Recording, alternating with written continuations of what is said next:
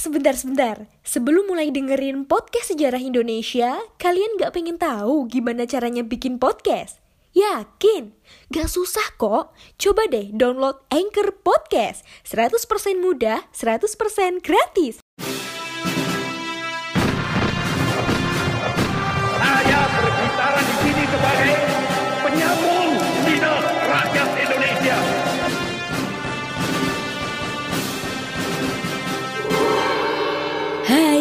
Kalian sedang mendengarkan Poseidon, podcast sejarah Indonesia. Ngomongin masa lalu dengan gaya masa kini. Assalamualaikum, hai, halo teman-teman semuanya Berjumpa lagi dengan saya Alfa di Poseidon Podcast Sejarah Indonesia Gimana nih kabar teman-teman semuanya? Semoga selalu dalam keadaan sehat walafiat ya Amin Teman-teman, karena kondisi kita sekarang masih di musim pandemi saya mengingatkan teman-teman semua untuk selalu mematuhi protokol kesehatan ya, yaitu dengan rajin mencuci tangan, menggunakan masker, dan juga menjaga jarak saat berada di kerumunan. Nah, sesuai judulnya, pada podcast kali ini saya akan membahas mengenai akar-akar demokrasi di Indonesia. Kalian pasti nggak asing dong dengan istilah demokrasi? Hayo apa? Sini-sini, apa ceritain? Jadi, demokrasi memiliki banyak pengertian teman-teman. Dari pengertian tersebut, kalian dapat mengetahui tujuan demokrasi secara umum. Secara etimologis atau asal-usul kata, demokrasi sendiri itu berasal dari bahasa Yunani, yaitu demokratia, yang terdiri dari dua kata, yaitu demos yang berarti rakyat, dan kratos atau kratein yang berarti kedaulatan atau pemerintahan. Nah, jadi secara harfiah demokrasi itu suatu bentuk pemerintahan di mana kekuasaan atau kedaulatan ada di tangan rakyat. Nah, negara kita, Indonesia, merupakan salah satu negara yang menerapkan sistem demokrasi loh.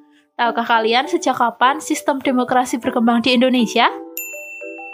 Jadi, akar-akar demokrasi di Indonesia sudah berkembang sebelum Indonesia merdeka, yaitu pada masa pergerakan nasional. Untuk mengetahui bukti pelaksanaan demokrasi pada masa pergerakan nasional, yuk stay tune ya. Yang pertama ada Volksart. Apa yang teman-teman ketahui tentang Volksart? Volksart berasal dari bahasa Belanda yang berarti Dewan Rakyat. Lembaga ini dibentuk pada tanggal 16 Desember 1916 oleh Gubernur Jenderal Graaf van Limburg Stirum atas nama pemerintah Belanda. Anggota Volksart terdiri atas orang Belanda, orang Timur Asing, dan juga pribumi. Orang pribumi yang aktif dalam Volksart antara lain Hos Cokro Aminoto, Haji Agus Salim, Abdul Muiz, Muhammad Husni Tamrin, Oto Iskandar Dinata, dan juga Dr. Rajiman Widyo Diningrat. Pada awalnya, lembaga ini hanya bertugas sebagai penasihat pemerintah Belanda. Dalam perkembangannya, sejak tahun 1927, Volksart memiliki kewenangan legislatif bersama gubernur jenderal yang ditunjuk oleh Belanda.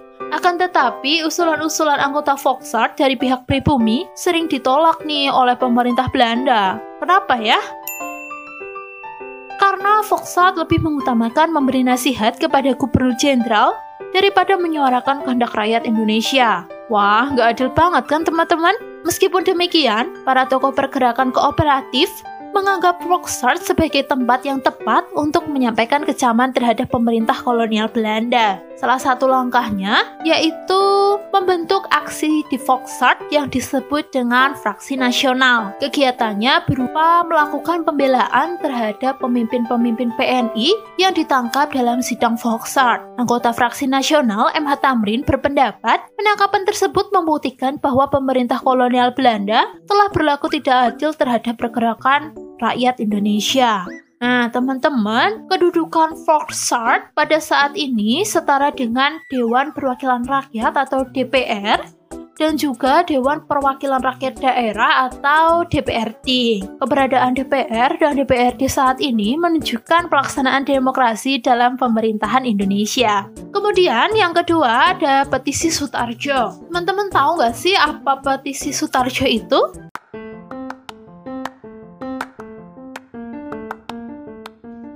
Halo Sobat Poseidon, kalian pasti sudah tidak asing lagi dengan Anchor. Yap, aplikasi penyedia jasa untuk para podcaster pemula dan juga pro. Buat kalian yang pengen mulai nge-podcast, langsung download aja Anchor di App Store ataupun di Play Store. Di sana, kalian bisa nge-podcast dengan banyak banget pilihan background musik. Setelah itu, kalian bisa mempromosikan podcast kalian ke mana pun. Secara otomatis, nanti akan di-sharekan oleh Anchor sendiri. So, tunggu apa lagi? Cus, nge-podcast bareng Anchor.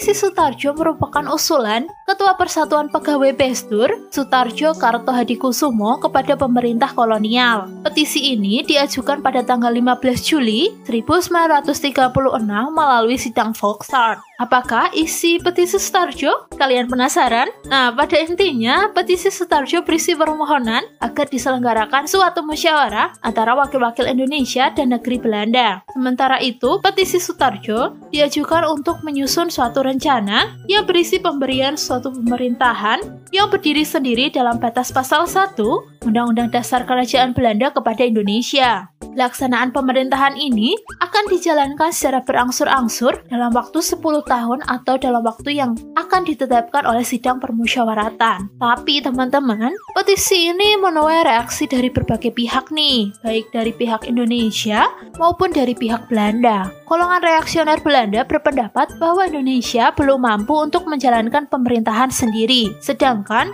beberapa anggota Foxart berpendapat bahwa usul petisi kurang jelas, kurang lengkap, dan tidak mempunyai kekuatan. Wah, sayang banget ya. Kemudian pada tanggal 29 September 1936, Foxart mengadakan pemungutan suara terkait petisi tersebut. Hasilnya 26 suara setuju dan 20 suara menolak. Yang ketiga, Gabungan Politik Indonesia atau GAPI. Gabungan Politik Indonesia atau GAPI didirikan pada tanggal 21 Mei 1939 dalam rapat pendirian konsentrasi nasional di Indonesia. Dengan demikian, GAPI merupakan bentuk kerjasama partai-partai politik di Indonesia. Meskipun tergabung dalam satu wadah, tiap-tiap partai mempunyai kemerdekaan penuh terhadap program kerjasamanya masing-masing. GAPI juga bertindak sebagai penengah jika timbul perselisihan antar partai-partai. Teman-teman tahu nggak sih apa yang melatar belakangi terbentuknya GAPI? Jadi, menurut buku Sejarah Nasional Indonesia jilid 5, faktor pendorong terbentuknya GAPI antara lain kegagalan kegagalan dari petisi Sutarjo, kepentingan nasional akibat timbulnya fasisme, serta pemerintah kolonial Belanda yang kurang memperhatikan kepentingan-kepentingan bangsa Indonesia. GAPI memiliki semboyan Indonesia berparlemen, yang berarti tidak menuntut kemerdekaan penuh, tetapi menuntut pembentukan sebuah parlemen yang berasaskan sendi-sendi demokrasi. Untuk mencapai tujuan tersebut, Gabi menyuarakan agar perjuangannya didukung oleh semua lapisan Indonesia. Seruan tersebut disambut hangat oleh pers Indonesia dengan pemberitaan mengenai Gapi. Nah, teman-teman, pada saat ini Partai Politik Indonesia juga melakukan penggabungan partai politik yang dikenal dengan sebutan Partai Koalisi.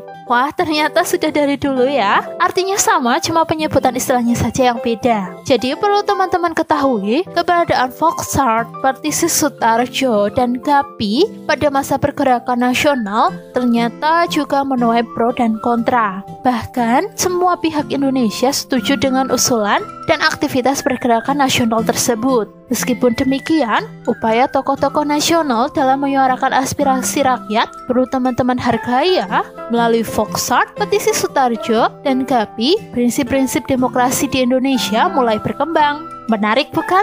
Pembahasan mengenai akar-akar demokrasi di Indonesia semoga bermanfaat untuk teman-teman semua ya. Oh ya teman-teman, Poseidon ada di Instagram juga loh. Untuk melihat update menu tiap minggunya, bisa kalian intip di at podcast underscore sejarah Indonesia. Jangan lupa di follow juga ya. Terima kasih sudah mendengarkan. Sampai jumpa di podcast selanjutnya.